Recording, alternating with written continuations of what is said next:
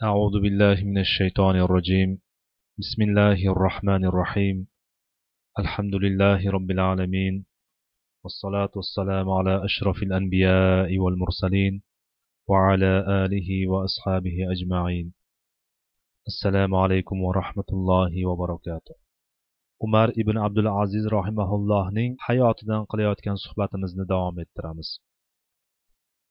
umar ibn abdul aziz xalifalik davrida baytulmolga musulmonlarga tarqatish uchun olma keltirishadi. Umarning kichkina o'g'ilchasi uning oldiga kelib olmalardan bittasini olib og'ziga olib borayotganini ko'rgan umar darhol uning qo'lidan olmani tortib oladi. Bolakay yig'lab onasining oldiga kirib ketadi. Bola bo'lgan voqeani onasiga aytganda onasi xizmatkorga pul berib olma keltirishini tayinlaydi. Umar uyga qaytganda uydan olma hidi kelayotganini bilib buni sababini so'raydi. Ayoli o'g'ilchasini olma yegisi kelganini va bozordan olma keltirganini aytadi.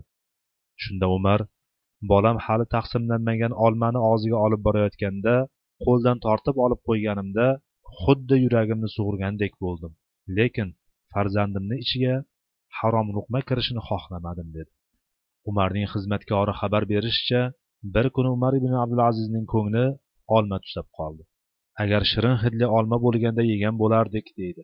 Xizmatkori darrov savatda juda shirin hidli olmalarni keltiradi. Umar ulardan bittasini qo'liga olib hidlab juda shirin ekan. Mazasi ham shirin bo'lsa kerak deydi da xizmatkoriga bu olmalarni bergan odamga bizdan salom ayt juda shirin olmalarni chiqaribdi.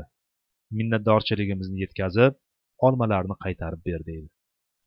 Xizmatkori ey amiral mo'minin bu olmalarni o'z qarindoshingiz amakingizning o'g'li hadya qildiku yeyavermaysizmi bundan tashqari o'ziz yaxshi bilasiz. Rasululloh sollallohu alayhi vasallam ham sadaqani qaytarib hadyani qabul qilganlar deydi shunda umar ha rasululloh sollallohu alayhi vasallam hadyani qabul qilganlar. Zero u zamonlarda rasululloh sollallohu alayhi vasallamga hadyalar borar edi. Bizga bo'lsa pora bo'lib kelyapti deydi umar xalifalikka o'tirgach barcha amirlar va umarolarning boyliklarini taftish qildiradi. Ularning yoki otalarining mansabga o'tirishlaridan oldingi va keyingi boyliklarida katta farq sezilsa hammasini baytulmol ixtiyoriga topshirtiradi. Hatto bir kuni umarning ammasi undan shikoyat qilib huzuriga keladi. Umar baytulmoldan ammasiga oylik qilib beriladigan to'rt yuz dinorni to'xtatib qo'ygan edi. Hammasi har oyda to'rt yuz dinordan akasi abdulmalik jiyanlari valid va sulaymon davrida ham olib turganini aytib umar buni nega to'xtatib qo'yganini so'raydi. Umar oldingi xalifalar o'z yaqinlariga baytulmoldan qaysi asosga ko'ra oylik berganini bilmasligini aytib ammajon siz badrda qatnashganmisiz? deb so'raydi. Ammasi yo'q deb javob qiladi. Uhud jangidachi ammasi yana yo'q deydi. Unda ular nima sababdan sizga musulmonlar xazinasini sovurganiga hayronman. Agar siz pulga muhtoj bo'lsangiz men o'z yonimdan yordam berib turaman deb ammasini kuzatib qo'yadi. Ha umar ibn abdulaziz bani umayya amirzodalariga baytul moldan behuda beriladigan barcha inomlarni bekor qildi. Otalarining mansablaridan foydalanib egallab olgan imtiyozlardan mahrum etdi. Odamlardan tortib olib o'zlariga o'zlashtirib olgan barcha mulk va yer suvlarni o'z egalariga qaytartirdi. Haqdorlari aniqlanmagan yer va joylarni baytulmolga topshirtirdi. Oqib kelib turgan daromadlaridan ayrilgan ayrim alamzada amirzodalar umar ibn abdulazizning bu ishlaridan norozi bo'lib baytulmoldan olib turgan inomlari to'xtatilmasligini talab qilgan maktubni o'g'li abdulmalikdan kirgizishadi. Maktubni o'qigan umar maktub ostiga qur'oni karimning agar gunoh qilsam rabbimning ulug' kun qiyomatdagi azobidan qo'rqaman degan oyatini yozib o'g'lidan chiqarib yuboradi. Umar mamlakatda zulmga barham berdi. Adolatni o'rnatdi. Beva bechoralar kasal ojiz zaiflar holidan xabar oldi. Hatto umarning nazaridan zindondagi mahbuslar ham chetda qolmadi. Viloyatlarning boshqaruviga allohdan qo'rqadigan taqvodor siyosatni puxta biladigan odamlarni boshqarishda tajribaga ega bo'lgan solih kishilarni tayin qildi. Umar tayin qilgan amirlar viloyatlarda muammolarni hal qilishda to'liq erkinlikka ega edilar. Biron muhim masala bo'lmasa mayda chuyda ishlarni umarga ko'tarmas edilar. Yangi hokimlarni tayin qilar ekan umar ularning bilimini axloqini oldindan yaxshilab o'rganar edi. Ularni turli uslublar bilan tekshirib sinab ko'rgandan so'ng ularda mas'uliyatni his qilish va omonatdorlikni bilsagina bu vazifani ularga topshirar edi. Umar ibn abdulaziz xalifalik davrida viloyatlarga hokimlikka tayin qilganlar orasida olimlar faqihlar mohir siyosatchilar yengilmas sarkardalar va fotihlar bor edi.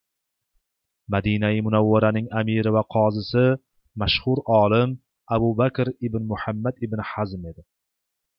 Basraning amiri jarroh ibn abdulloh al hakimiy juda ko'p diyorlarni fath qilgan fotih obid uddabiron qo'mondonlardan bo'lgan.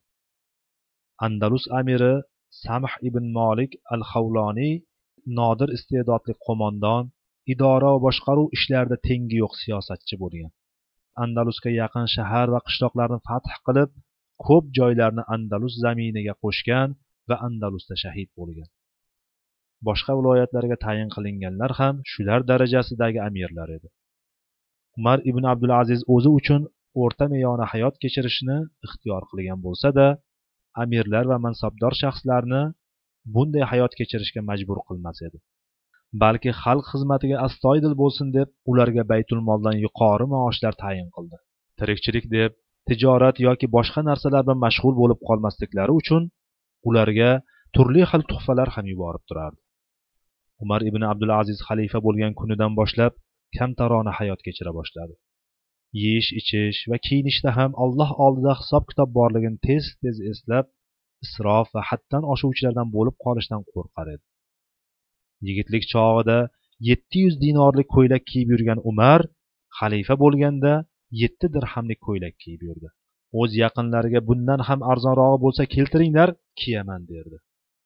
O'tkinchi dunyoning ne'matlari ham o'tkinchi ekanligini his qilgan umar boqiy dunyoning tugab bitmas ne'matlariga ko'z tikar edi. Dunyo matolari saroy yaltir yultirlari uning qarshisida har qancha jilvalanmasin allohga bo'lgan muhabbatidan to'sib qo'ya olmadi. Balki mansabni olloh tarafidan berilgan omonat deb bildi. Bor kuchini musulmonlar xotirjamligi va farovonligi yo'lida sarfladi. Umar xalifalik davrida mamlakat ichkarisida tinchlik va barqarorlik hukm surdi. Umarning adolati va to'g'ri yurgizgan siyosati sababli odamlar tinch omon va farovon hayot kechirdilar. Allohning rahmati va barakasi har tomondan yog'ildi. G'arbu sharq tarixchilarining e'tiroficha umar zamonasida zakot beruvchilar zakot oladigan odam topolmaganidan to'plangan zakot pullari afrikadagi qora qullarni ozod qilishga jo'natilgan. umar bir kuni xizmatkoridan odamlar qanday yashayapti deb so'radi siz bilan mendan boshqa hamma rohatda yashayapti deb javob beradi xizmatkor والله تعالى أعلم سبحانك اللهم وبحمدك أشهد أن لا إله إلا أنت أستغفرك وأتوب إليك